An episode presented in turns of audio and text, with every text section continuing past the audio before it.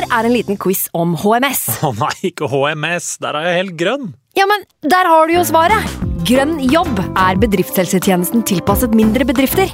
Våre HMS-eksperter hjelper mer enn 8000 bedrifter over hele Norge med alt fra lovpålagte HMS-krav til pålegg fra Arbeidstilsynet. Få på plass bedriftshelsetjeneste på grønnjobb.no. Hallo? Jeg kommer fra Oslo politikammer. Ine Jansen er purk. Er du purk? The motherfucking bitch. Alt jeg vil, er å finne ut hva som skjedde med mannen min. Jon Carew. Er jeg sikta for noe? Iben Akeli. Det er du. Ole So, Lars Berrum og Big Daddy Karsten. Hvem sin side er du på, egentlig? Anette Hoff, Tone Danielsen, Kommer du fra Afrika? Jørnis Josef, Nesten. Kløfta. Trond Espen Seim, Det er synd å si det, men det var feil mann som døde. Purk. Premiere tirsdag på TV2 Play. Nå har vi starta. Fantasy. God evening. through to Jimenez. Now Neto was blocked off off the ball. Jimenez might go in alone. God evening.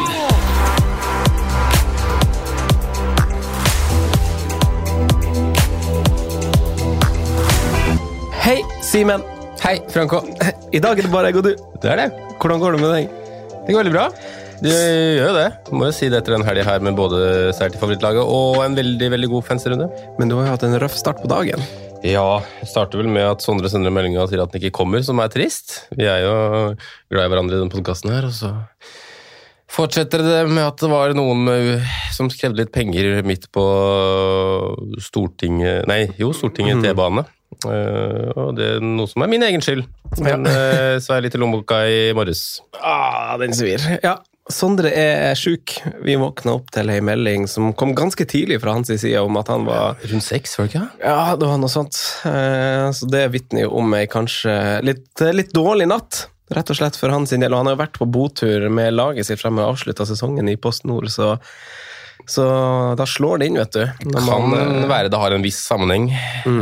med sykdommen, men vi får bare ønske god bedring. Eh, han er en kriger, han, så kommer seg tilbake til neste uke. Han gjør det. Og, han tar, og i løpet av uka, da, på snakke litt Patreon sikkert. Han har vel sikkert masse tanker han har lyst til å dele. Ja. Uh, apropos Patrion, så, så går vi jo inn i juleperioden nå. Og forrige sesong så kjørte jo vi en sånn Vi hadde adventskonkurranse hver helg. Eh, altså ja, hver adventshelg, da. Så vi, hvor vi deler ut konkurranser. Man har på en måte deler ut premier, ikke deler ut konkurranse. Deler ut premier til vinnere av liksom, eh, de konkurransene som vi lager der. Eh, En ganske god hit i, i fjor, og generelt så er jo desember en veldig fin eh, Patreon-måned, for det er jo masse kamper, masse runder, så det er masse innhold som bare, bare kommer der. For man, det er liksom noen ganger i romjula sånn, hvor det bare er en dag mellom hver runde, og da får vi faktisk spilt inn når studioet er stengt òg. Ja, var ikke du som sa det var 19 Nei, det var kanskje bare nå, det var kanskje ikke i desember, men at det var 19 av de, neste, eller 19 av de 30 dagene i desember, sånt, så var det fotball. Det er Premier League-fotball. Premier League-fotball, ikke sant? Og så skal du legge til en runde med Champions League der i tillegg. Og cup. Og cup, så det blir jo enormt med match. Ja, det blir det. Så, så de mikrofonene våre på heimekontoret går jo varmt. Men eh, det jeg skulle si var at da er det jo liksom, Hvis du først skal bli Patrion og høre det i romjula, så får du jo liksom kan du like godt bare gjøre det nå, og så, og så får du med deg hele desember, på en måte. Ja, den beste måneden å være medlem er jo den. Ja. Og hvis det er én måned du skal være, for å si på den måten nå, så kan vi skal vi ikke oppfordre til det, vi vil jo gjerne ha det over lengre periode, men så er det den beste måneden. Den Mm. Ja. mest interessante måneden. Så eh, jeg gleder meg til desember. jeg. Det er jo en måned som veldig mange er gavmilde også, så det kommer vel over på noe annet vi skal innom. Ja, det er bra du tar det opp, Simen. For i fjor så hadde vi også en eh, veldedighetsinnsamling i desember, som eh, hele desember måned. Og i fjor så samla vi vel inn rundt 25 000 kroner til alle verdens barn, eller verdens barn. Eh, jeg tror jeg gikk og sjekka hvor de spesifikt gikk, de pengene. Jeg tror de gikk til barn i Ghana eh, i fjor, for det går på en måte dit der det trengs mest der og da, tror jeg var inntrykket. Eh, og det er jo en veldig veldig god sum, så veldig mye skryt til de som ga det. Men hvis man skal rette en liten sånn finger mot folk, så tror jeg også med tanke på hvor mange lyttere vi har, at summen kan bli veldig veldig mye høyere. Fordi, for man kan jo bare gå inn og vippse, og jeg tror det er litt latskap som holder noen tilbake. Vi hadde jo, hadde jo en i fjor som liksom Han, han eh, vippsa jo formasjonen sin den runden, Ja. men liksom i eh, respekt for han Sondre, så inkluderte han jo keeperen. Så han, så han, så han, eh, han eh, vippsa jo 1343 eller noe sånt, ikke sant?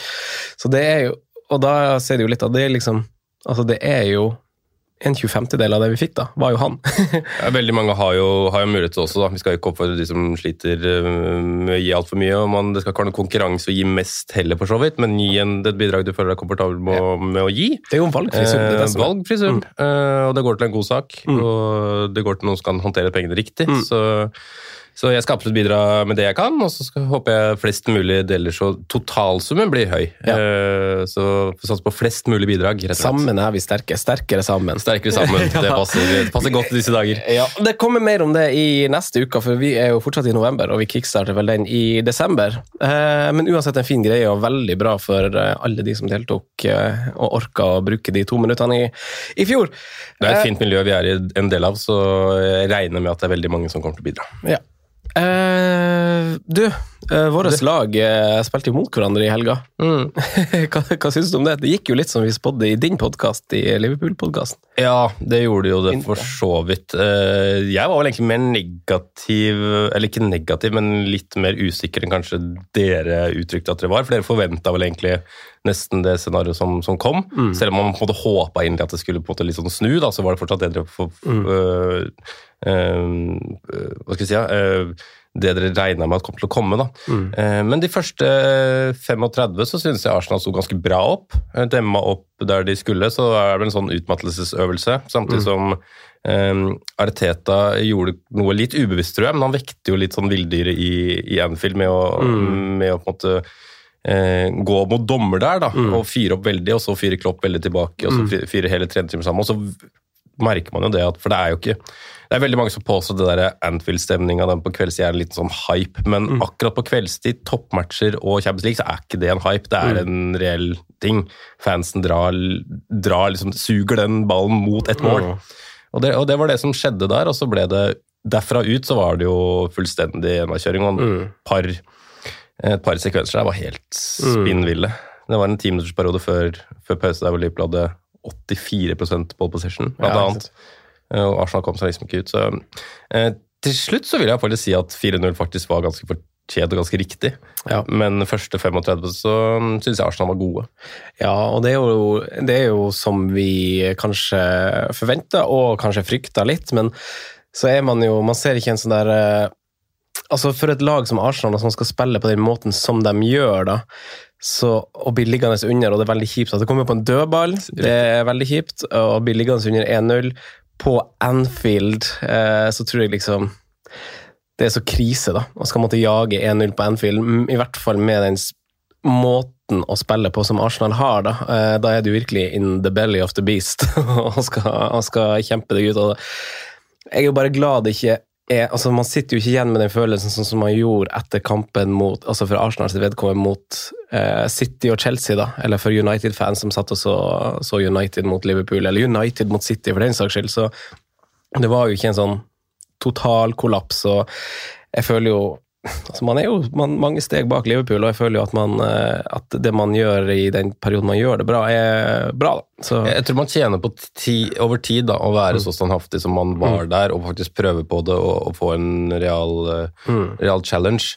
Samtidig så er det sånn eh, Hvis det er noen kamper du kanskje skal unnvike, da, så er det kanskje Liverpool og, og City per dags dato med tanke på offensiven deres. Eh, med tanke på gode de er til å gjenvinne ballen høyt i banen, og hvor mange ganger på en måte, de går i fella. selv om de dette har de tenkt på hele uka, hvordan de ikke skal gå i de fellene, men de gjør det. De, ja. Man gjør det gang på gang. Da. Man fører ballen inn i de rommene Liverpool ønsker. Eh, Men så er det den balansegangen. Hvis du gjør grep mot de to lagene, er da terskelen for å gjøre det også mot de nest beste, da.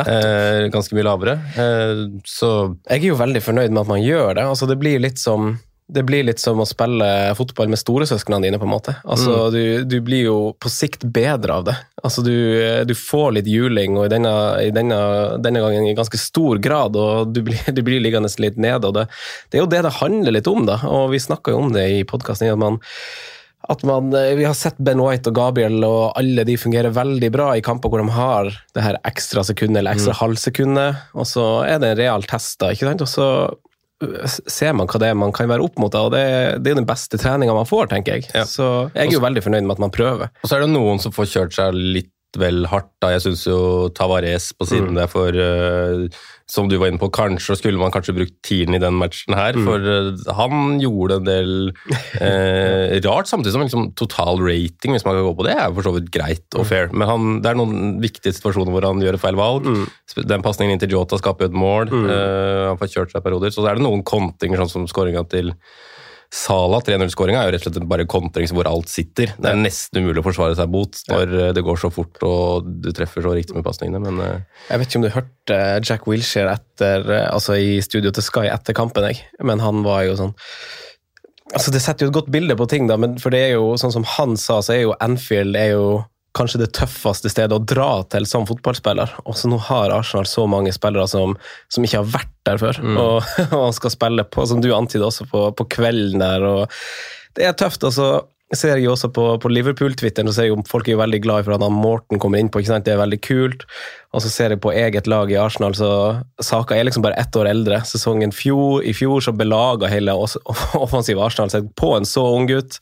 Og denne sesongen så er det liksom fortsatt han og Smith Rowe, som er bare ett år eldre enn det igjen, er liksom det man skal stole på framover. Da. Og det sier seg sjøl at det å gå dit og spille da, er litt tøft, altså. jeg, tror, jeg tror Morten er litt øh, ak Akkurat han er litt fordi at bare han har kommet litt ut av intet. For han fikk liksom bare en cupkamp, og så var han plutselig i alle dager, hvem er det der?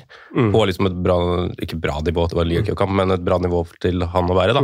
Som helt ukjent. Men det er jo ikke en av unggutta som på en måte egentlig er blant de største talentene, sånn sett, da. Ne. Det er jo Kate Gordon som vi viser litt fram i preseason, som kanskje er den mest merkverdige på, i ungdomssystemet, da. Eh, som tidligere var Ream Brewster, som eh, ikke ble helt det man, eh, man trodde, men som jeg fortsatt står på sånn fra Liverpools side har vært mm, en av de mest interessante og de mest hypa. Da. Det var vel nesten mer hype rundt han enn Trent og Mike Owen og disse, disse der. da. Det er god tid igjen. Jeg, jeg var litt overraska denne gangen, Simen. Jeg, jeg, altså, jeg har veldig gode Liverpool-venner. Altså deg og mange flere. Ganske, altså alle har jo en Liverpool-kompis. Og av nøytrale kompiser som jeg har, de vil jo si at Liverpool-fans er den verste fansen. Og så er det mange, som vil, altså, altså er det mange som vil si at United-fans er den verste i verden. Men det sier seg jo selv, det er jo den største fanbasen også i Norge, så du, åpenbart så har du noen sure de har epler. plass til flest nisser. Ja, så det vil jo være noen, noen sure epler. Men denne gangen så var jeg litt sånn For jeg har gått litt i bresjen for Liverpool-fansen, egentlig. For jeg liker kanskje også Liverpool litt som klubb, og hvordan det er drevet, og karakterene er Du har ikke noe rivalisering eller noe Nei, hatmåte jeg, ikke, noe sånn, ikke sånn som mot United eller Tottenham eller Chelsea. Men denne gangen så var det litt sånn overraska over liksom nedoversparkinga på Twitter. Det var liksom okay. Og at det ikke var sånn der Det var ikke så masse hyllest av Liverpool. Det var liksom sånn Å, Ramsdale, du var liksom ikke så god nå, Arteta, du er der, og liksom sånn tøffe deg, og det, det går ikke. Og sånn voldsom sånn der eh, klopprunking-bukake, liksom bare Ja.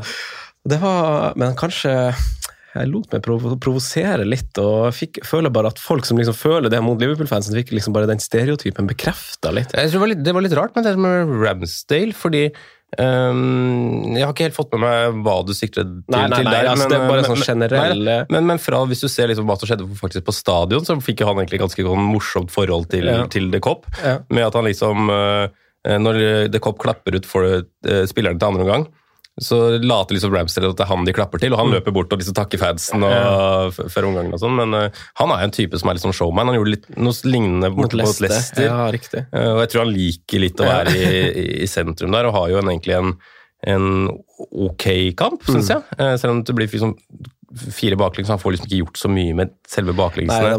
Kan på kanskje være på Sadio. Mané sin, Ja. sånn helt, men fortsatt, den er vanskelig. Ja.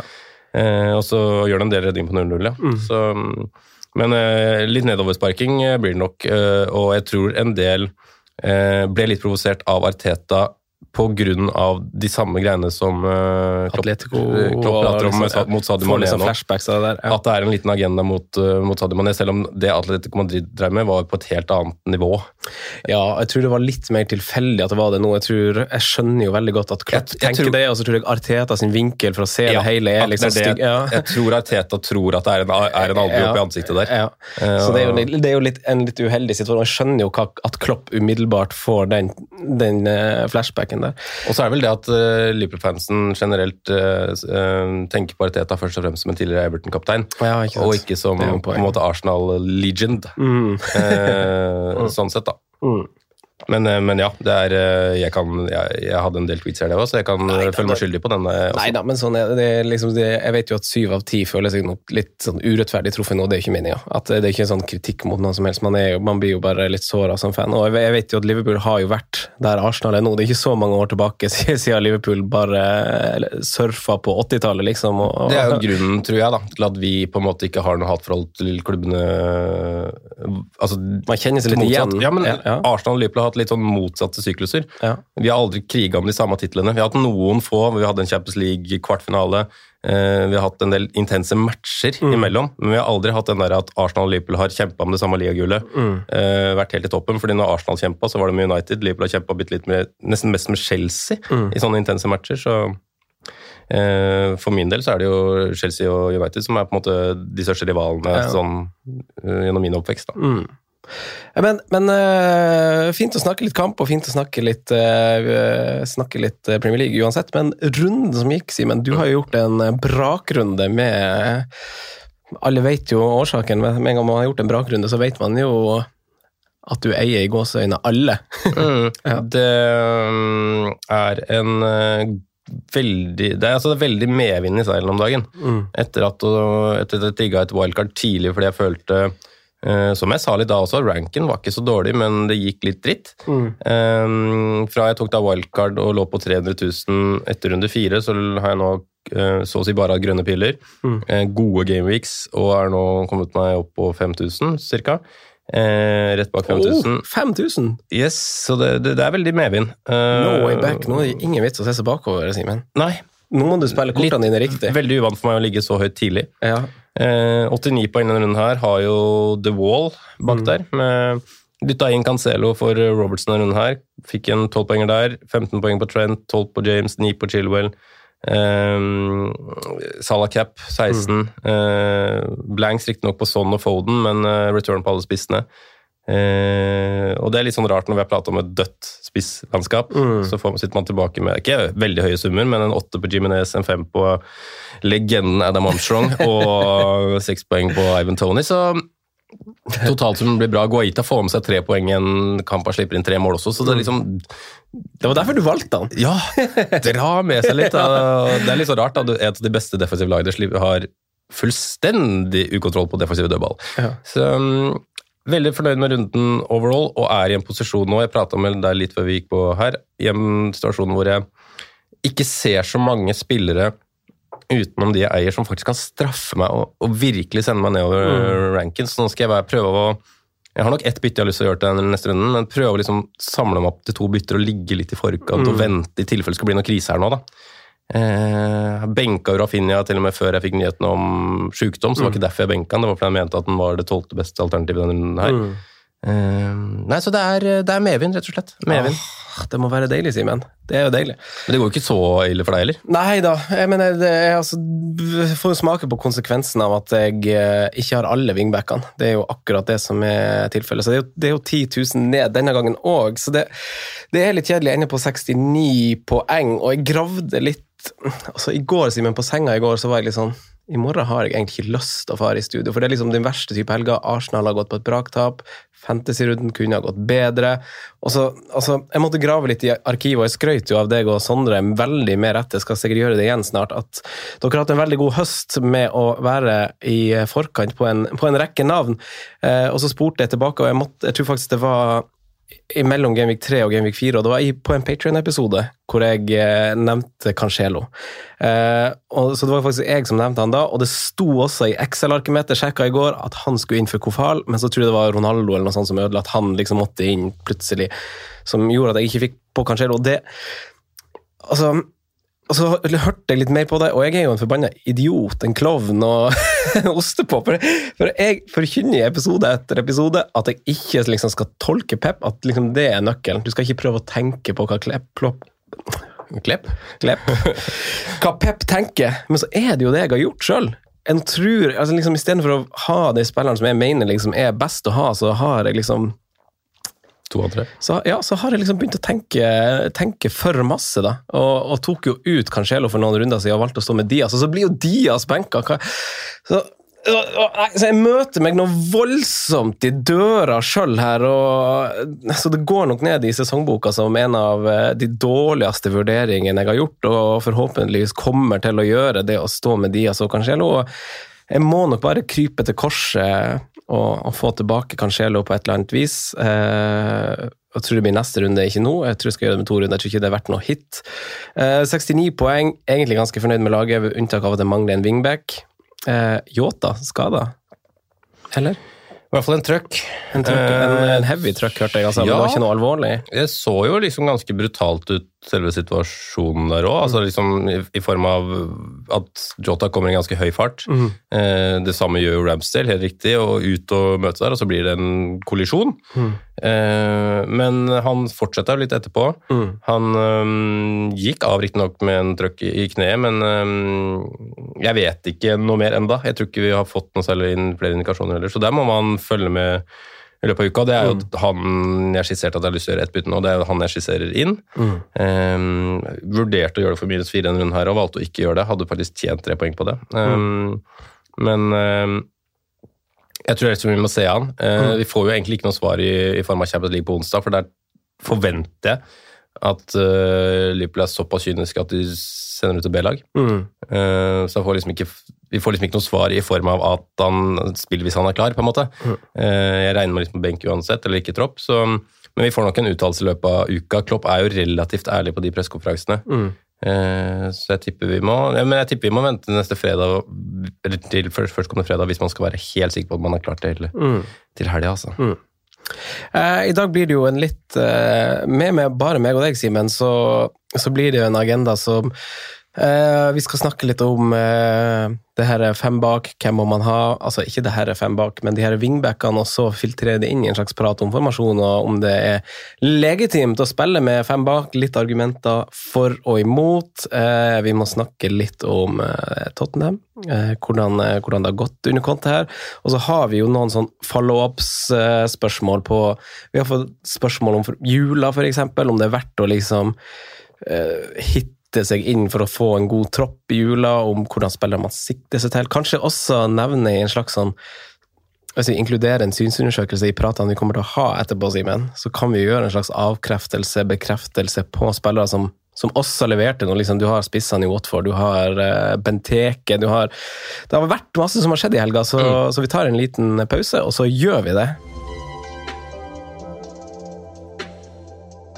Uh, ok, Simen, du har jo fire av liksom fem av the most wanted eh, der bake. Uh, hva, altså, FBL-nerd på Twitter har stilt og fått en del likes på spørsmålet sitt, så da må det jo bare, bare med. Uh, slett og rett. Uh, og han spør jo eh, om det er første gang i historien at det er legitimt å faktisk gå med fem bak. Eh, jeg vet jo at du syns det. Ja, med fem bak er jeg litt usikker på, men øh, jeg har, har nok øh, spilt fem bak oftere enn de fleste. Mm. tidligere, vil jeg, vil jeg tro. Eh, Jeg har gjort det i ny og ne, ikke fått like bra return, return på det historisk, eh, historisk sett, men, men det er jo såpass mange gode alternativer der nå at man, man absolutt kan vurdere det. Og hvis man ser nå på f.eks. den som har vært femtevalget eh, på Forsvaret eh, mye denne sesongen her, da, i Godes Livramento, så går han inn i et veldig tøft program nå. Da, det var siste liksom, fine matchen nå. nå. Nå skal du mm, eh, ha ganske god eh, hva skal jeg si, ja, kjensla på han hvis du skal spille han i mange runder framover.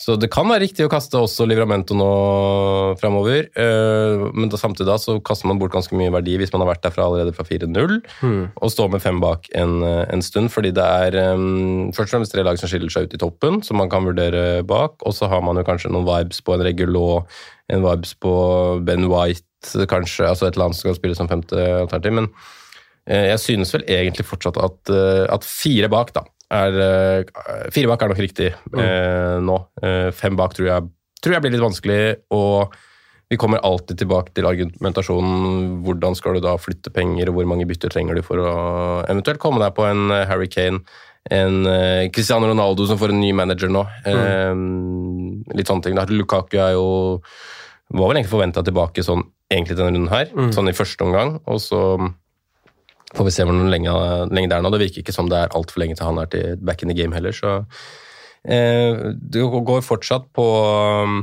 på um, fleksibilitet for min del at jeg Mm. sier nei til, til fem bak. Mm. Ja, jeg, eh, jeg er egentlig enig med deg og benytter gjerne de samme argumentene som deg som, eh, som hovedargument i eh, hvorfor jeg kanskje ikke foretrekker fem, men jeg lurer på om jeg samtidig kan dra en slags fasit på at fire egentlig er veien å gå. At, eh, at jeg som spiller 3-4-3, har, uh, har eh, bæsja litt på leggen og egentlig må, må legge om og få med meg For jeg blir jo straffa nå, jeg tror ikke det er første eller sist, og siste gang, hvis jeg, eh, hvis jeg velger å bare gå med tre.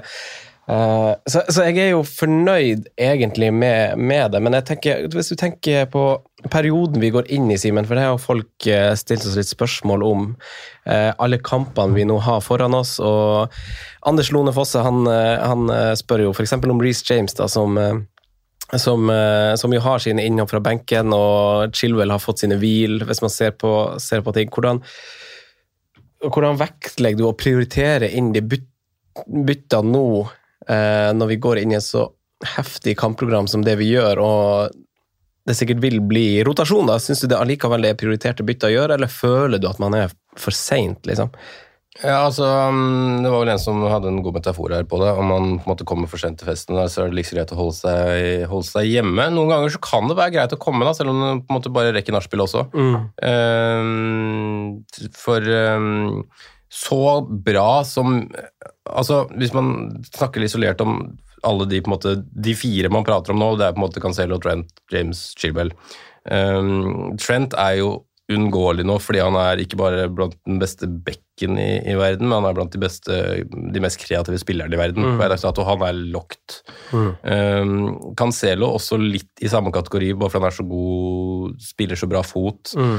Uh, Herregud, det er det siste han har nå. Det, legger nå Ikke sant? Uh, samtidig som han spiller på i hvert fall det laget som har mest XG i, imot seg. Uh, jeg er sterkt uenig i at Manchester City er det beste defensive laget som mange prater om. De, er, de har veldig, gode, eller veldig ekstreme tall fordi de er så gode offensivt. Mm.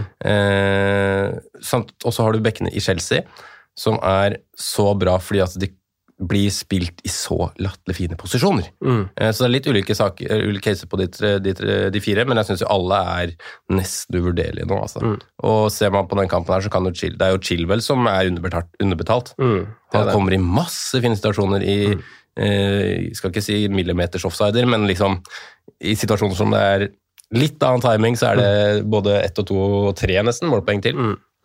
Mm. Jeg tenkte, de- tenkte på det samme sjøl. Så de syns jeg er uvurderlige. Men jeg, jeg, jeg er veldig spent på om det er mange som har skrevet fem bak, og jeg har lagt merke til det, men hvem er den femte alle skal ha? Uh, Hvem er liksom den neste? Hvorfor kan man ikke bare stå med de fire som vi sier da, og så er, er det det? Jeg, jeg, jeg sliter litt med å forstå den, den femte, men når det kommer til James, da, på å bytte inn, som var egentlig der vi starta, så skjønner jeg skepsisen med at nå kommer det en rotasjon. Eh, men har Chelsea så mange alternativer på den, den sida der? Ja? Det virker som Hudson Odoi skal være lenger framme. eh, I banen også, også på motsatt side, litt. Det er jo hvis Aspi plutselig skal få seg en kamp bare for å gi Reece et pust i bakken, da. Ja. så er jo det en mulighet. Jeg skjønner jo at du mister jo en eh, dimensjon i angrepsspillet ved å bytte ut Reece James eh, fra den posisjonen som han er så god i. Så, men det er jo Det finnes jo kanskje noen kamper hvor, eh, hvor Chelsea kommer til å gjøre det. Uh, og men jeg, jeg vet bare ikke jeg tror, bare det, jeg tror egentlig bare sånn at du ikke må tenke på det. At du bare må ta det når det kommer. Eh, i, det, I det lange løp så tror jeg du kommer til å tjene på det uansett. Da må Livramento inn og steppe inn, da, selv om på en måte programmet ikke er fint. Men, men Chelsea også har jo en veldig god posisjon. De har ni poeng etter fire kamper i Champions League. Mm. Eh, med, med to kamper igjen, Mm. eh, som de ikke kommer til å, kommer til å rote bort. Eh, de kan på en måte rullere litt. Jeg vil tro at på en måte James og Chilwell får pusten i bakken der. I hvert fall Chilwell, med tanke på at du har en ren erstatter i, i Alonso. Mm. Så eh, jeg er veldig på de fire, og jeg syns det er veldig riktig å stå med de fire. og eh, Veldig glad for at jeg gjør det sjøl, men jeg er fortsatt sånn Jeg trenger ikke den femte mannen akkurat nå. Nei. Nei, jeg, er- jeg er også på fire, altså. Jeg er det. Men eh, jeg, altså, jeg har jo Dias også, så nå må jeg plutselig se an hele, hele situasjonen der. Eh, spare bytte nå er jo veldig naturlig, men tenk, Simen, om han blir, blir benka i neste kamp også, mot, mot Westham der. Tenk om liksom bare Altså, jeg tror jo ikke det, men du ser liksom hvordan Pep har eh, beskytta plassen til Stones eller Laporte den gangen en av de har vært i form da, og gjort en god kamp. Tenk om det er liksom samme tilfelle. Nå, nå funka Stones og Laporte helt kanon. liksom Holde nullen er jo helt prima. Da Eller da er jo byttet mitt enkelt, da, sette Cancelo inn der. Men eh, det er en litt ugunstig situasjon, for jeg skulle gjerne ha sittet altså, med Diaz og Cancelo eh, gjennom jula nå, og det fine programmet som City får, da. Uh, Nå sjekka jeg jo ikke farta om dette var på en måte helt relatert til, eh, til, til landslagspausen. Jeg vet ikke hvor mye av de, av de spilte. Nå var vel um, alle med på landslagssamling for, for uh, henholdsvis Spania, Portugal og, og England. Mm. Uh, så det kan jo bare være at måte, de har spilt med i landslagspausen og trengte en bitte liten mm. hvil. Fikk seg en psykisk knekk med å, med å bli herja med av kong Mitrovic der også.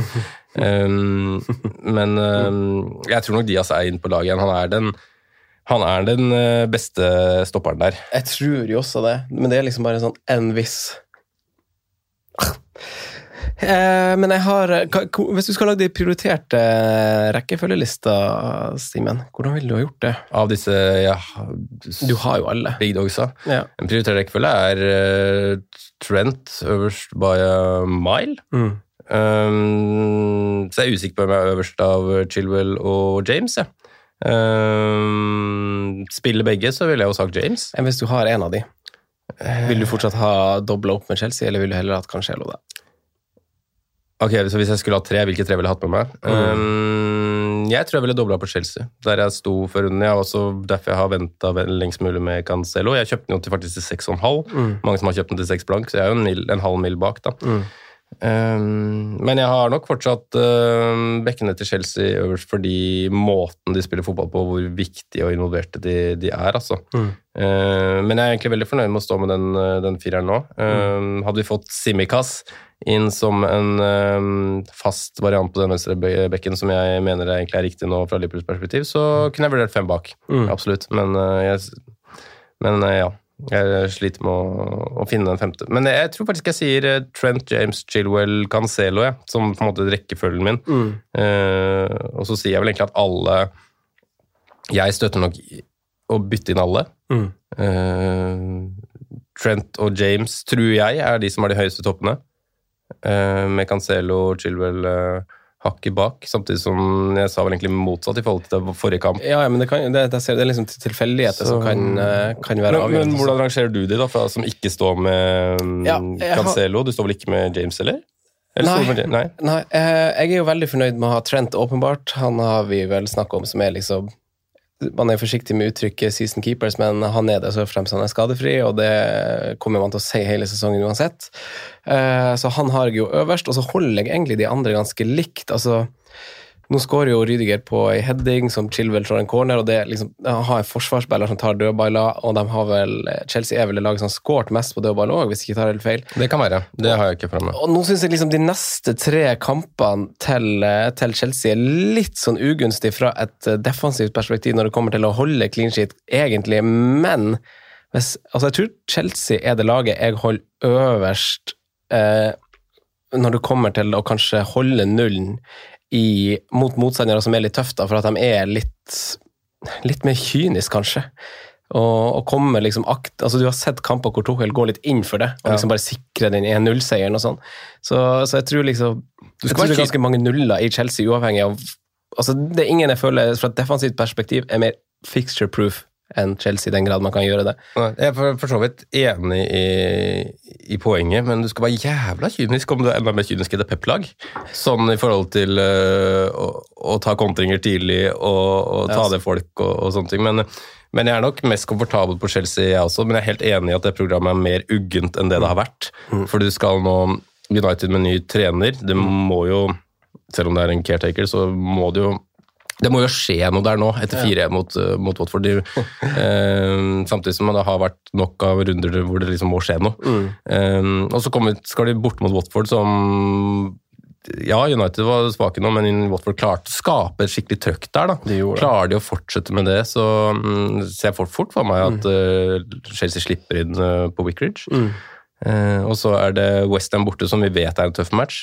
Og så kommer Leeds, hvor um, uavhengig av på en måte hva Leeds er, så, så tror jeg alltid Leeds skårer med Rafinha på banen, og det er nok han tilbake til der. Der er vi jo fort vekk nærme Bamford return også. Så um, litt ugne, ugne kamper sånn sett, men jeg føler meg ganske komfortabel med å sitte med to, altså.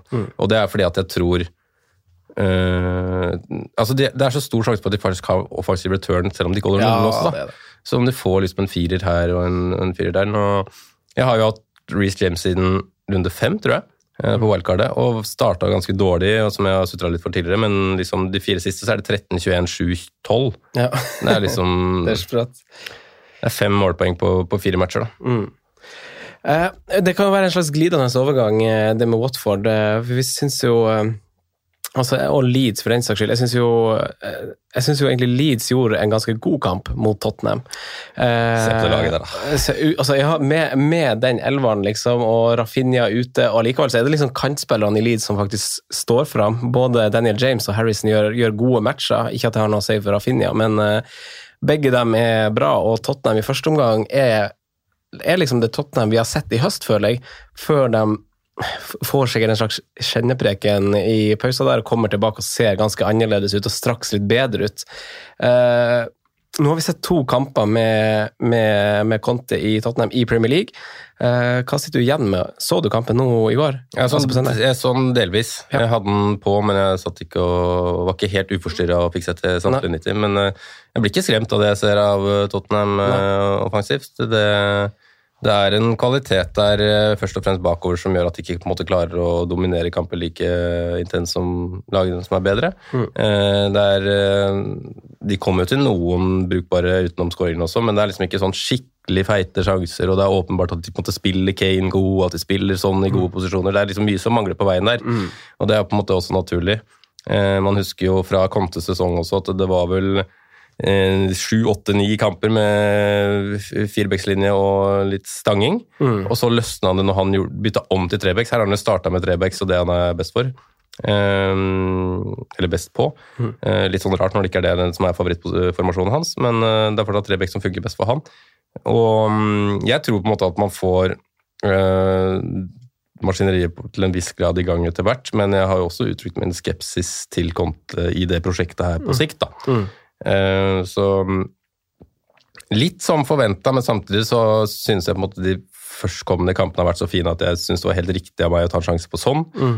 men jeg syns på en måte det er nok, da. Eh, og jeg får selv om Regulå skårer nå, så ser jeg på det som en tilfeldig skåring. Eh, og er ikke sånn at jeg har veldig hast med å, få på Regulå som et femteforsvarer for min del. Da. Jeg, så jeg står med sånn jeg, nå en tre kamper i hvert fall. Eh, og så tar vi kanskje en liten oppsummering på, på sånn for min del da, men eh, Nei, jeg regner med du ikke er noen særlig, i stor grad særlig mer overbevist av det vi har sett fra Tony Conte og Tottenham eh, til nå. Nei, jeg så hele kampen i går og tenkte jo at det her var samme gamle. Det er første omgang, og som sagt så blir det et annerledes Tottenham i andre omgang. og jeg syns jo det er på en måte, altså Kane har jo eh, Hvis man skal snakke ut ifra fotballspilleren Harry Kane, så har han jo to store sjanser. Eh, Den ene hvor han, eh, hvor han blir eh, spilt igjennom av Lucas Mora, vel, som for øvrig har en kjempegod kamp. Kanskje den beste i angrepet til Tottenham, syns jeg. Han hadde- vel det under Altså, Han har vel sånt blaff i ny og ne hver sesong, men uavhengig av det, han spiller jo opp Kane, som jo scorer på den der i jeg tipper jo sju av ti, liksom. Så, så, så, så banker han den i mål, og så har han en senere hvor han blir spilt feilvendt og klarer liksom å vende av og komme til ei litt sånn avslutning idet han liksom snubler, sånn som vi har sett han skåre før også. Eh, og det er jo litt sånn ut av det blå, og så har vi jo på tampen når eh, når, eh, når det jager scoring motsatt vei, så har eh, Kane et par muligheter ved kontringer som egentlig hans feil at rakner. Blant annet en tre mot to der, hvor, eh, og han er veldig liksom skal skyte sjøl og skal komme til de avslutningene sjøl, og du ser jo Son blir jo veldig frustrert. Og, og Son, for å ta den, liksom ved, ved unntak av altså, Vi snakka om Jeg syns du Kane så farlig ut en sånn nå. ja, det var det jeg skulle si. For Vi snakket om forrige episode, så sa jo Sondre at eh, Kane var i møte, og han var dyp, og at eh, Son stakk inn bak. Nå syns jeg ikke det var tilfellet. Nå synes jeg liksom Kane var Han var masse nede og henta og strø litt, og sånn, men han var masse høyere oppe nå, spesielt i andre omgangen, da han liksom har de sjansene, enn det han har vært tidligere i høst. Eh, og så jobbes det mer i rommet rundt og bak han enn hva, hva, enn hva de foregående kampene. Så, så jeg er liksom fornøyd med det jeg så ut av hvor han posisjonerte seg utover i kampen, Harry Kane, som eier av han riktignok, men nå utover det så er det, så er det lite liksom å, å skryte av. Jeg hadde Son også, han kommer vel egentlig altså sånn, det som på en måte hadde blitt Han hadde vel fått en assist på det. da, at det som, Han prøver jo et slags innlegg, og så det jo, ser det ut som skudd for styring, men det hadde jo blitt et selvmål hvis det hadde gått i mål, for det var jo et innlegg. Eh, Det er jo det eneste egentlig han har som jeg kommer på. Han har vel en sånn trussel i første omgang for hvordan han bare spurter fra alt og alle, som liksom er litt sånn ut av det blå, men han blir jo aldri spilt i noen gode posisjoner til å, til å avslutte sjøl. For, for grunnen til at du på en måte valgte Kane, da, var vel mer fordi at du kanskje ser på, eller håper på, at Kane kunne være et reelt kapteinsalternativ i 14 og 15. Ja, ka- ja, faktisk, egentlig. Uh, og, For er- og, og ja. åpenbart fordi at det var enklest vei ved mitt lag òg. Ja, for jeg, skjønner, jeg, er åpen, jeg er jo enig i det at de er jo de tøffe rundene å kapteine nå, med tanke på at Salah er Everton borte, Wolves borte. Nå er ikke Everton i noen slags eh, kanonform, men vi vet jo på en måte at Liverpool har slitt med å skåre veldig mange mål, da, på Gudsen i hvert fall. Så, mm, så den ser jeg, men får, vi skal få ganske bra svar til helga før vi tør å kapteine Harry Kane i, i runde 14. da. Ja. Eh, og jeg er også enig der at sk- skulle jeg ha på en måte hatt en plan med å kapteine en Spurs-mann, så hadde jeg nok også hatt på en måte Harry Kane hakket over på den lista. Jeg er ikke Ja. komfortabel med å kapteine sånn, tror jeg. Um, så får man se bare hva, hva det eventuelle reelle alternativer er, da. Uh, men det er litt, to litt tøffe nøtter å kapteine i. Jeg syns neste runde er ganske enkel med tanke på Southampton. Mm. Mohammed Salah i den, eh, selv om det er en l... eh, Salah, Salah pika for et par runder siden i, på en måte, i formen for denne sesongen her, da. Så får vi se om han klarer å dytte seg opp igjen. Eh, men uh, det kan bli noen nøtter da, å kapteine i runde 14 og, og 15, tror jeg. Mm. Hva tror du, altså For folk som ikke kom seg på Spurs for denne runden, syns du og ville se an, hva tror du, altså hva vil du si til dem? Vil du si at for, altså for de tre fineste kampene kommer vel fort vekk nå, gjør de ikke det, egentlig? Jo, Burnley borte er jo egentlig en fin match å se an. for jeg, mm. altså, ja, Crystal Palace skårer faktisk tre mål der, da. Men, øh, og det er jo som vi har vært inne på før også, Burnley er ikke like pottetette som vi har prata om Nei, før. før. er ikke det. Det er ikke, mm, det er ikke den samme driven.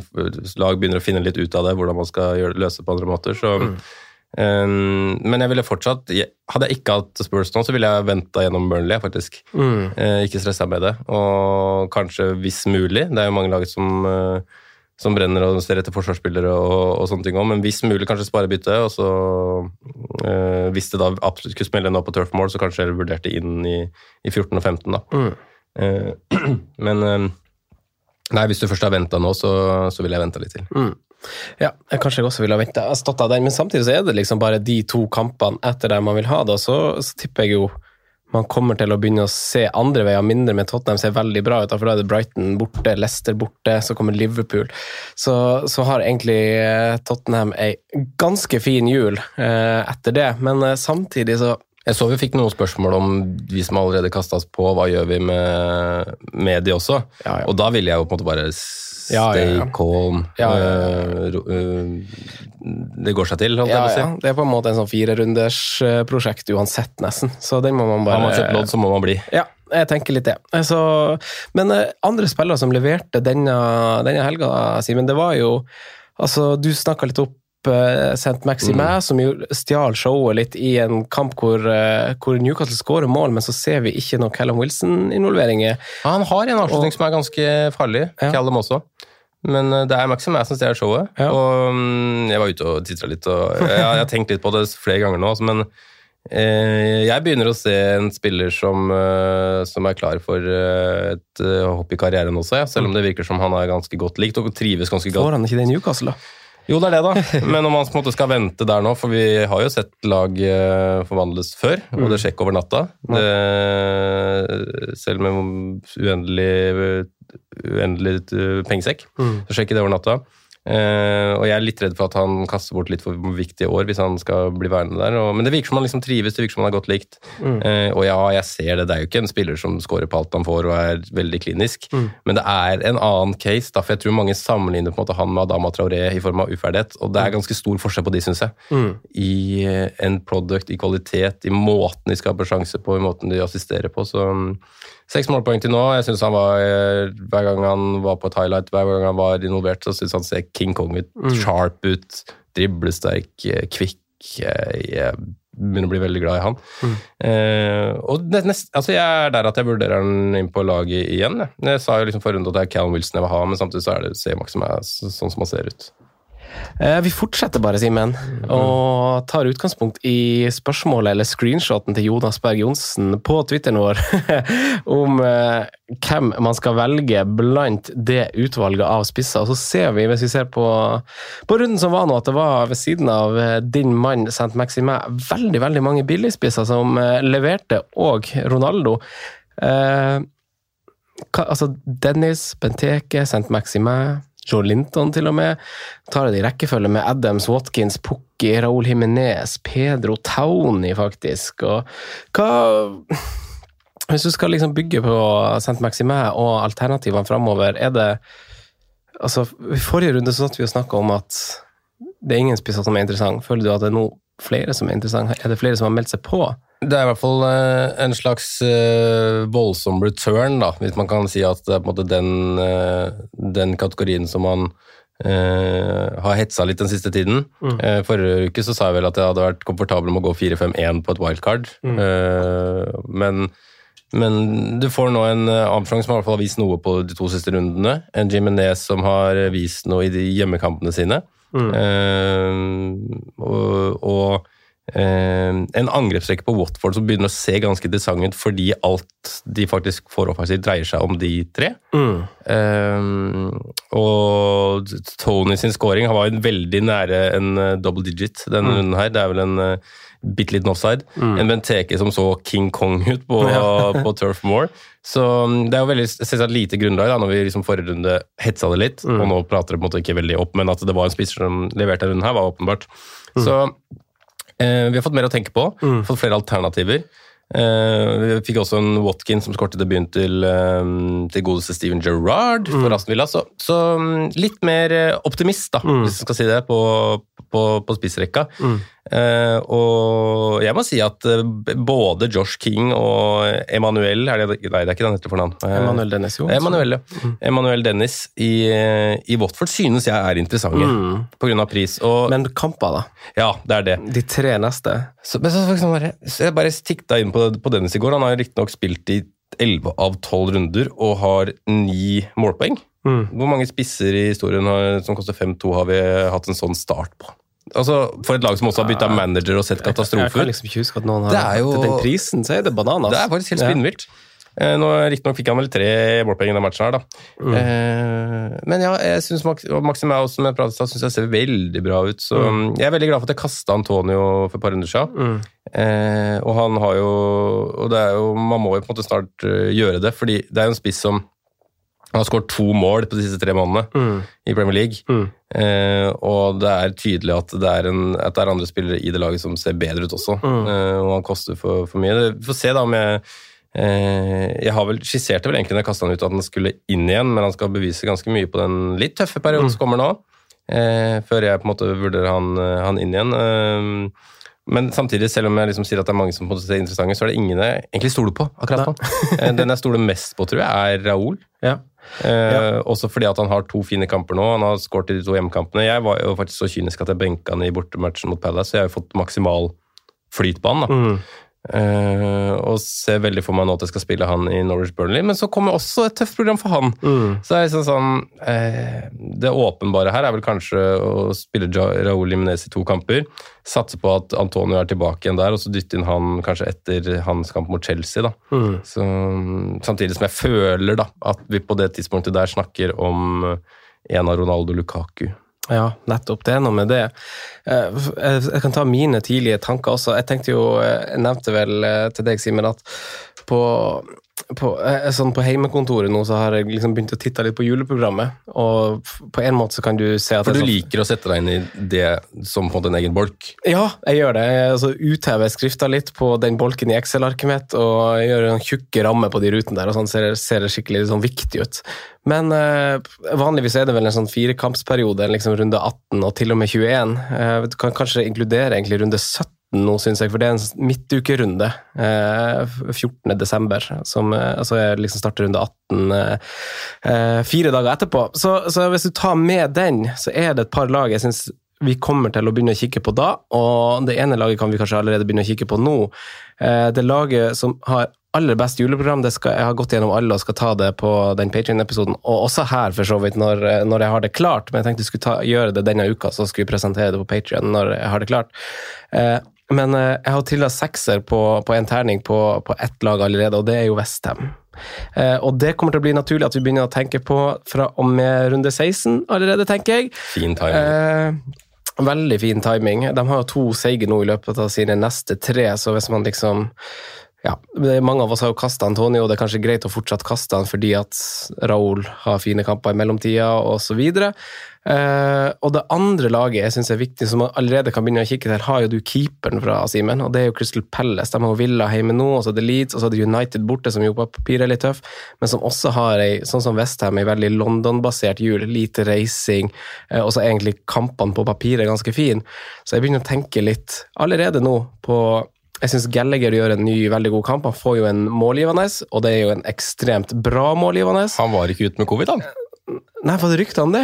Ja, og oh, det var en journalist i et eller annen eh, Yes. i et blad som hadde samme navn, Ja. som sa ut en tweet om at eh, ja, jeg har dessverre covid, men jeg var ikke tiltenkt å spille bortekamper på Turf Moor. Jøss, dæven steike. Ja, han gjør i hvert fall helt prima kamp. Assisten hans er jo eh, høy, høy kvalitet, og så har han også et innlegg eh, tidligere i kampen som også kunne ha resultert i scoring, så han kunne Han er veldig ofte i posisjonene sånn skrått ved 16-meteren, hvor han kan bare legge igjen til sida til en spiss eller en angriper. Ja. da. Så, han er, så, så har man jo liksom i tillegg da Benteke som har meldt seg på.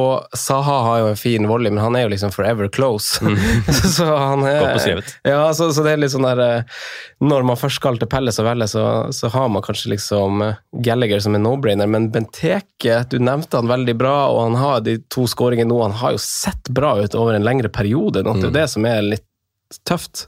Det virker som han har bare liksom fått den skikkelig selvtilliten tilbake. Og jeg skal ikke si at han er helt tilbake til eh, Aston Villa, hvor han hadde en periode hvor han var spinnvill. Eh, for jeg husker det når Liverpool signerte han, så trodde jeg vi endelig hadde kjøpt spissen, liksom. Mm. He's the real one. Men, eh, men det er et eller annet med måten han på en måte bare feirer skåringene med selvtillit på, mm. måten han tar, tar for seg i boks. Det er et par situasjoner som ikke liksom blir sånn superfarlige, men måten han bare går inn på rett før Guei skårer på den retu- returen der, han er skikkelig punchy. Ja, det er det.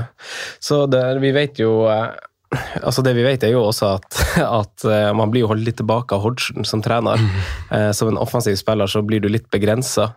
Så kanskje liksom det er den friheten nå som er at man får rå litt mer. Eh, Så jeg syns Pelles er et veldig spennende lag å begynne å titte til allerede. Eh, Sondre pratet om det i chatten vår også, om Benteke. eh, ja. Underveis i, i matchen, så jeg tipper han hadde også, også prata Benteke opp i podkasten i dag. Ja, ja. Eh, for han eh, Jeg tror han fulgte med litt underveis, fordi han, eh, han, han sendte noen meldinger om, eh, om Christian. Ja, ikke sant, jeg ser det. Eh, så veldig, veldig aktuelt eh, lag å følge med på, og jeg tror kanskje det er liksom Altså, jeg tenker jo eh, jeg tenker jo vi kommer til å begynne å altså kommer til å ta farvel med Towney snart, og det kommer til å føles helt greit. Kommer til å ta farvel også med Raúl Jiménez, og det er litt mer vemodig, for jeg syns han er en stedig. Eh, og så er det jo Villa og Watkins. Hva tenker du om eh, Gerrard-effekten? Eh, det er- det var tydelig at det var noe der, da. Mm. Måten man på en måte feirer på, og ikke bare Gerard, men liksom hele laget, og at det liksom er et eller annet. Selv om jeg tror også veldig mange av de hadde litt sånn vondt farvel med, med Dean Smith? Dean Smith. Ja. Eh, For det virker som han var veldig godt likt, selv om på en måte han fikk, fikk fyken. Så Eh, fortsatt litt usikker på den konstellasjonen, da. Eh, hvem skal spille spiss? Blir det 90 minutter hver gang? Eh, selv om jeg tror Watkins er egentlig veldig viktig for det laget der, så eh, Der er jeg fortsatt litt mer tilbakeholden, det må, det må, jeg, det må jeg si. Men eh, en som jeg syns er veldig interessant, da nå nevnte jeg jo Dennis i stad, men det er, jeg syns Josh King var veldig bra nå, altså. Mm, han var. Fin posisjon, fin pris. Um, Han bør jo sette en til, strengt tatt. Altså, han er vel på straffer òg? Nei, så, så tok jo Sarr, da. Han bomma på på to. ja. Eh, Han får ikke ta nesten. Josh King har jo tatt en del straffer opp gjennom tida. Han tok, ruller, i Bournemouth, ja, han rullerte litt. Stanislas tok vel eh, egentlig hver gang han var på, men Stanislas var var, ja, han var enda mer ut, ut og inn av laget enn det Josh King var. Ja. Um, så skal, skal vi føle oss trygge på å si at han er på neste straffe, da? Selv om Watford, Det var de første straffene Watford, Watford har fått i år, da. Ja, men jeg så altså Forrige sesong, da var, da var en Troy Dini fortsatt der. Og Mm. Han tar jo, tok jo straffene da han spilte, selvfølgelig, men altså ved siden av det så ble de jo delt på han der Pedro som kom inn og skårte, og Sarr. De delte jo straffa. Delt, ja. Så du skal ikke se bort ifra Altså, jeg eh, tviler på at Sar tar neste, i hvert fall. For å si det på den måten. Ja, det, det var ikke veldig, veldig bra. Altså Mot Digea, som på en måte ikke er en utprega straffeskytter, var dårlige straffer, egentlig. Ja, begge. I hvert fall den andre. Ja. Uh, så um, Med straffer og liksom en sånn Nå har det riktignok, hvis man ser nøyere på tallene til, til King, da, eller nøyere på poengsummene til King, så kommer det jo veldig i, i bølger. Mm. det kom to assist mot, mot Norwich og en tipoenger der, og det kom et hat trick mot Everton. Og så kom det en scoring nå, og det er vel så å si alt han har. Eh, samtidig som han har ikke vært der lenge, og sånt, men det er et eller annet med posisjonen. Jeg syns nesten han var underbetalt nå. Han, han er jo det. Eh, billig. Eh, Men fortsatt tøffe kamper som Dennis, da. ja. Men det, er- det er jo to friske ja, de har altså, likt, like tøft program. Ja, ja og, så, og så spiller de jo mye nå, da, men det er liksom et lag man kan også kanskje kikke litt på etter hvert når de er ferdig med et litt stygt, stygt run. Eh, siste dilemma før vi går eh, til perrongen, Simen, er jo Vi har, eh, har jo Altså, Vi går jo inn i en litt usikker tid med, med spilletid og rotasjon, og det er fint å dra inn, inn Foden her, for det var kanskje en trigger til at noen spurte, men det å få en stamme nå i et lag som eh, Med en tropp i et tøft program, hvordan vektlegger du det? Hvordan ser du på spillet? Nå har Foden tre blanks på rad, f.eks. Hvordan, Jeg hvordan vurderer du plassen til sånne rotasjonsutsatte spillere med litt høye topper? Altså, hva tenker du om troppsammensetninga nå, og hvem man velger? Um, etter at vi sa Foden var must have, så har det blitt tre blanks. Um, husker ikke hvem som Jeg vil bare lese en tweet på det. En total XGA på 0,8 på de tre matchene. Ikke sånn altfor skremmende, men samtidig så er det eh, Synes jeg på en måte han ser bra ut. Tar litt dødballer. Eh, har egentlig et sånn ok program. Tre hjemmematcher på de neste fem. Eh, alle lag som de egentlig skal på en måte slå fram til nyttår. Um, for så vidt en ok pris. Um, så det er ikke noe sånn at jeg er sånn superstressa og skulle kaste Phil Foden, egentlig. Men uh, det er jo det byttet jeg ser på til neste runde også. Fordi det handler vel kanskje like mye om hvem som skal inn, da. I, I Diogo Jota som, som spiller spiss, og Firmina ute en stund, og, og det der. Så litt sånn Jeg har ikke lyst til å egentlig si farvel til Phil Foden, men det er det eneste byttet som makes sense nå, da. Eh, For Rafinha er såpass låst hos meg de tre neste rundene. Og jeg, får litt, ikke, jeg har heller ikke råd til det direkte byttet der. Så for meg så er, det, er jeg på Foden ut eh, på mitt lag, selv om jeg egentlig ikke har lyst til å anbefale det. altså. Mm. og Du Det sitter handler, med samme mann, det handler litt om spillerne du skal Altså, jeg har jo Yota og Foden. Ja. Ja, så jeg har liksom ikke noe Det brenner ikke noe mitt mindre med jeg må hente penger. ikke sant, å... For hva er det på en måte det beste du får av å bytte ut Foden, tenker du da? På kort sikt ingenting. Ikke sant? Men det er jo at han kan finansiere Antonio når han skal inn igjen i runde 16, eller eh, Den forsvareren får jeg jo egentlig inn med Så isolert sett så stresser vel ingen av oss egentlig med å få den ut. Nei, jeg Så, synes det sånn, er helt greit å sitte Jeg liker programmet til City òg, egentlig. og så fikk han jo på en måte Nå fikk han seg Han hadde en trøkk inn til matchen, var det rykter om. At han hadde fått plukka opp en skade på eh, samling. Mm. Og Så fikk han starte, og så fikk han seg en jeg vet ikke om det var samme trøkk eller en ny trøkk i Mm. løpet av, eh, av matchen der. Ble i første gang. Fikk fortsette å spille, og så ble jeg tatt av etter 55 Mm. når City hadde kontroll. Jeg føler litt, litt det som et tegn om at han ble tatt av fordi han er blant de viktigere. Ja, man eh, liker jo å tenke det. Eh, Så Ja. Eh, Jeg skjønner at spørsmålet kommer fordi man bytter inn en spiller man tror er superviktig, Mm. og så sitter man igjen der med Var det det her, liksom? Mm. Det er liksom samme som de som satte inn Mount etter hat tricket. Så uh, Ja, hva er det her? Ja. Um, men um, jeg ville liksom Det, det er samme der som med, med Hominson, som med Harry Kane, som med Reglot. Uh, har du bytta noe, så Du, må, du må, må absolutt ikke gjøre det. Mm. Men jeg skjønner veldig godt eh, for de som sitter i min posisjon og har lyst på Diogo Jota, da, som jeg synes, synes samme pris. Mm. Eh, føler meg ganske Ikke trygg, men jeg syns det ser veldig fint ut å sitte med han med Southampton hjemme neste. Ja. Eh, og et Liverpool som liksom svarte litt igjen nå, da. Mm. Og han så egentlig ganske bra ut. Han så ganske dårlig ut mot Westham, så ganske bra ut nå. Så, Ja. um, det er vel den eneste, og så kan det jo også være noen som får noen fine på en måte dobbeltdeals der. Det er med å gå ned på Foden, så får du kanskje inn en forsvarer som veldig mange er på. ikke sant? Mangler James, mangler Cancelo, mangler Chilwell. Så kan det være dobbeltbytte som gir, veldig mening, da. Men syns du det er et fint tidspunkt av sesongen? Vi ser jo kanskje, kanskje spesielt fra og med neste runde, og så har vi faktisk en midtukerunde i neste uke. Det blir veldig gøy at vi er i gang med det igjen. Men syns du det altså, begynner, For folk som ikke har brukt wildcard, og sånn, så er det et naturlig tidspunkt, men ser du også på det som et naturlig tidspunkt å gjøre en slags opprydning for å komme seg på de riktige spillerne og få, få den riktige troppen inn i, inn i hektisk tid, eller er det liksom en overtenkingsgreie at man bare skal fortsette å kjøre et steady løp? Kanskje for noen så er det det. For, for uh, litt vanskelig for min del å si at jeg må gjøre en opprydning når, når jeg på en måte sa at Jeg starter vel podkasten med å si at jeg ser liksom ikke hvem, hvilke spillere som nå skal senke meg nedover ranken. da. Eh, og det sier jo indirekte at jeg må ikke gjøre så mye, egentlig. Eh, så for min del så er jeg veldig calm nå. Jeg skal gjøre Hvis jeg får indikasjoner på at Jota er klar til neste runde, så gjør jeg nok Phil Foden til Jota. Ja. Etter der så må jeg begynne å tenke på eh, å prøve å få meg to bytter kjappest mulig, eh, så jeg liksom har to bytter i banken. Eh, fordi at en eller annen gang, eh, og det, blir jo fort nesten runden etterpå også, så må jeg gjøre et eller annet med konsentrasjonen med midlene på topp. Ja.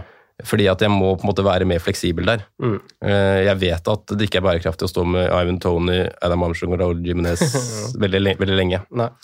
Um, så det er på en måte utfordringen min. Aller helst så skulle jeg på en måte kunne gjort ett gratisbytte nå, hvor jeg enten gjør Tony eller Adam Armstrong ned til en 4-5, Ja. for å liksom bare få midlene. Ja. Men det blir jo sånn sidebytte en eller annen gang, da. Ja, men kan du ikke gjøre det, da? For å Jeg gjør ikke det for minus fire. Nei, ikke for minus fire. Nei, nei, nei, nei, nei, nei, det er jeg enig så, da gjør jeg det eventuelt for minus fire den gangen jeg trenger det, da. Men ikke nå. Så um, Nei, få på Jota hvis han er klar, og spare bytte i, både i, på en måte, i frykt for at det plutselig skjer noe uforventa, en skade på en eller annen jeg har, Mm. eller for å eventuelt flytte, få flytta midler etter hvert. Det er på en måte min langsiktige plan nå, men jeg skjønner jo at mange, tenk, mange er i vanskelige posisjoner, og da kan jeg være mer sånn at det, kan være tid for en rydd. Ja. Og det har jeg gjort en gang også. Jeg mener jeg har tatt minus åtte eller minus tolv inn i jula, Mm. og så regna jeg på det etterkant og tjente faktisk på det. Ja, nettopp. Det er faktisk et godt eksempel å ha, ha med seg, fordi vi, vi kommer til å få ganske masse banking i jula, men det er fortsatt en liten stund til også, så det er kanskje litt tidlig liksom, å begynne, begynne å røske veldig mye tak når du fortsatt liksom er fire-fem runder igjen. Det kan oppstå skader på den veien også. Det er det også. som er vanskelig å gardere seg mot. med Da. å- Det skjer alltid noen skader nå. Ja, ja, det gjør Det det. er naturlig, det er mye belastning. Mm. Du, Simen, vi skal til perrongen. Ja! Og så hopper vi til spalten. Franco nevner spillere som kan være aktuelle slags populære valg. Rådets spillevalg. Jeg tror jeg skal ta den uforberedt hver gang. På perrongen, vi gjør ditt FPL-liv enklere. Oi. Hvor reklame er det fra, Simen? Eh, Jeg husker det, men du er Big Max eller et eller annet. Det er noe, Ah, bigging. Jeg skal, jeg skal ikke si det høyt, for jeg skal folk la det, la det ha den på tunga. Eh, men eh, jeg har valgt å gå for forsvarsspillere på perrongen fordi vi har gjort et tema ut av spiss og delvis eh, midtbaner, og de fleste midtbaner som har levert, har vi nevnt før, Simen. Eh, men forsvarere, eh, og jeg valgte å ikke ta med han på tronen der med, i Tyrone Minks. men men eh, hva tenker du om Joakim Andersen til 4-5? Nei. Jeg skulle, jeg skulle slakte den i stad. Han er uh, Chris Palace svakeste link. Eh, han har hatt eh, Skulle han kanskje hatt ei utvisning, eller var det det, det er mulig, men han eh, hadde en helt forferdelig kamp mot Leicester tidligere i år, som kosta de to baklengs og ett poeng. Hadde, han var direkte skyld i skåringa på Horty i Brighton-matchen. Mm. Han fikk vel riktignok med seg to assist uh, nå, gjorde han ikke det? Om han fikk én. Han fikk én, tror jeg. Um, men han er Jeg har faktisk kommentert det før. Han er ehm, Jeg syns Chris Palace har gjort mye bra sist og ser ut som et bra lag, men han er, slik jeg ser det, det svakeste linken. Det blir et nei fra meg òg. Mm. vil heller ha valgt en av backene, eller kanskje til og med makker. Ja, Joel kule- Ward. Ward er vel kanskje ikke Nei, nei. Noen, nødvendigvis sterkere, men uh, Ville ha valgt Tyreek eller Guay. ja, enig. Eh, neste mann er Lamptey. Han er nede på fire på fire. 4,4 nå, Simen. Ja, der har vi jo en spiller som ehm, Er kul er, veldig kul å se på, veldig populær, og så vi ikke har fått like mye poeng på som vi syns han er en kul fotballspiller. Men han var vel første, andre starten hans nå. Mm. Um, og han er jo utrolig deilig når han spiller. Ehm, ja Fikk faktisk med seg en clean shit, ser han i, i helga, selv om han ikke Selv om Brighton tapte. Ja da. Oi Du er fristet til å si ja, men egentlig sier hodet ditt nei, eller? Altså, si at du starta med Livramento. Mm. 4-0. Fått med deg opp til 4-6. 4-3 i bank, så koster det deg 0-1 å gå fra Livramento til Tarek Så du betaler 4-1 før? Er du mener? Eller så koster han egentlig 4-5, så du betaler Ja, du, du, du, du taper 0-1 da på å bytte Ja. Livramento til Tarek Ja. Nå. Det er ikke det dummeste jeg har hørt om, Nei, nei. faktisk. Men holder, det, holder denne fysikken til Lempty hele sesongen? Ja, det var det, da. Det er en fin refleksjon å ha med her, vet du. Holde den gjennom eh, den neste halvannen måneden. Det det er ikke plass til Lempty nå. Nei. Sorry. Hva med John Stones, som nå har to clean sheets på rappen mot United borte, mot Everton hjemme i Premier League? Hva tenker du om han? Stone Jones? Jeg vil ha Cancelo, jeg. Ja, enig. Enig. Eh, Sistemann på lista, Simen, er en gammel helt. Det kan være mange. Ah, okay. hvis, du ser på, hvis du ser på toppforsvarerne, hvem er gamle helter for deg, da? Eh, Den Skal vi se Toppforsvareren Hvis du ser på round points, er det det det heter? Ja. Oh, ja, det er en filtrering der òg, ja. ja. Jeg bare gjør det først, da. Round points. Mm. Round points, defenders Er det ikke bare én gammel helt? Nei, det er kanskje et spørsmål å definere er gammel helt. gammel helt. Um, jeg vet ikke, jeg jeg vet ikke hvor du skal nå. Jeg skal til Matt Target, eller? Jeg har Craig Dawson der. Eh, nesten Matt Target, et par hakk lenger ned. Guy Walker, Romain Sass. Ah, Ben Mi. Jeg kjenner han en Ben gammel, er ikke han en gammel helt for klart deg? han er en gammel helt. Eh, ja, scoring nå. Um, vi har jo sett, uh, sett den scoringen der før. Mm. Uh, det har vi. Um, jeg er mer fysen på han enn de andre jeg har vært innom eh, på perrongen. Er det det? Mm. Yes. Ja, kanskje. Mange som leverte i helga. Det var jo fartsfylt runde vi har lagt eh, bak oss.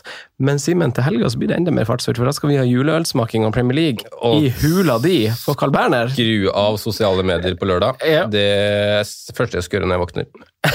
ja, du skal ikke havne utpå der. Vi får se, Simen. Eh, hyggelig å bare sitte med deg. Det er jo veldig koselig, det òg. Det er overraskende, det overraskende, overraskende hyggelig å bare være to. Vi savner oss selvsagt Sondre, men det var, vi klarer oss fint, vi. Vi gjør det. vi gjør det. Håper lyttere bærer med på det. Jeg syns det er greit. Ja. Ha det. Ha det godt. Straight evening.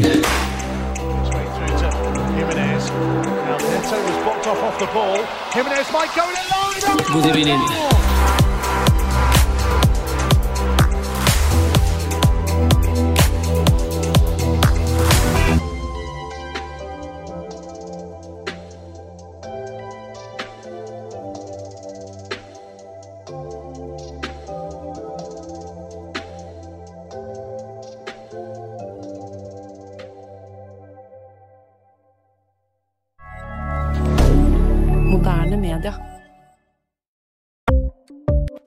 Ukens annonsør er Folio, en smartere banktjeneste for deg som har en egen bedrift eller ønsker å starte for deg selv.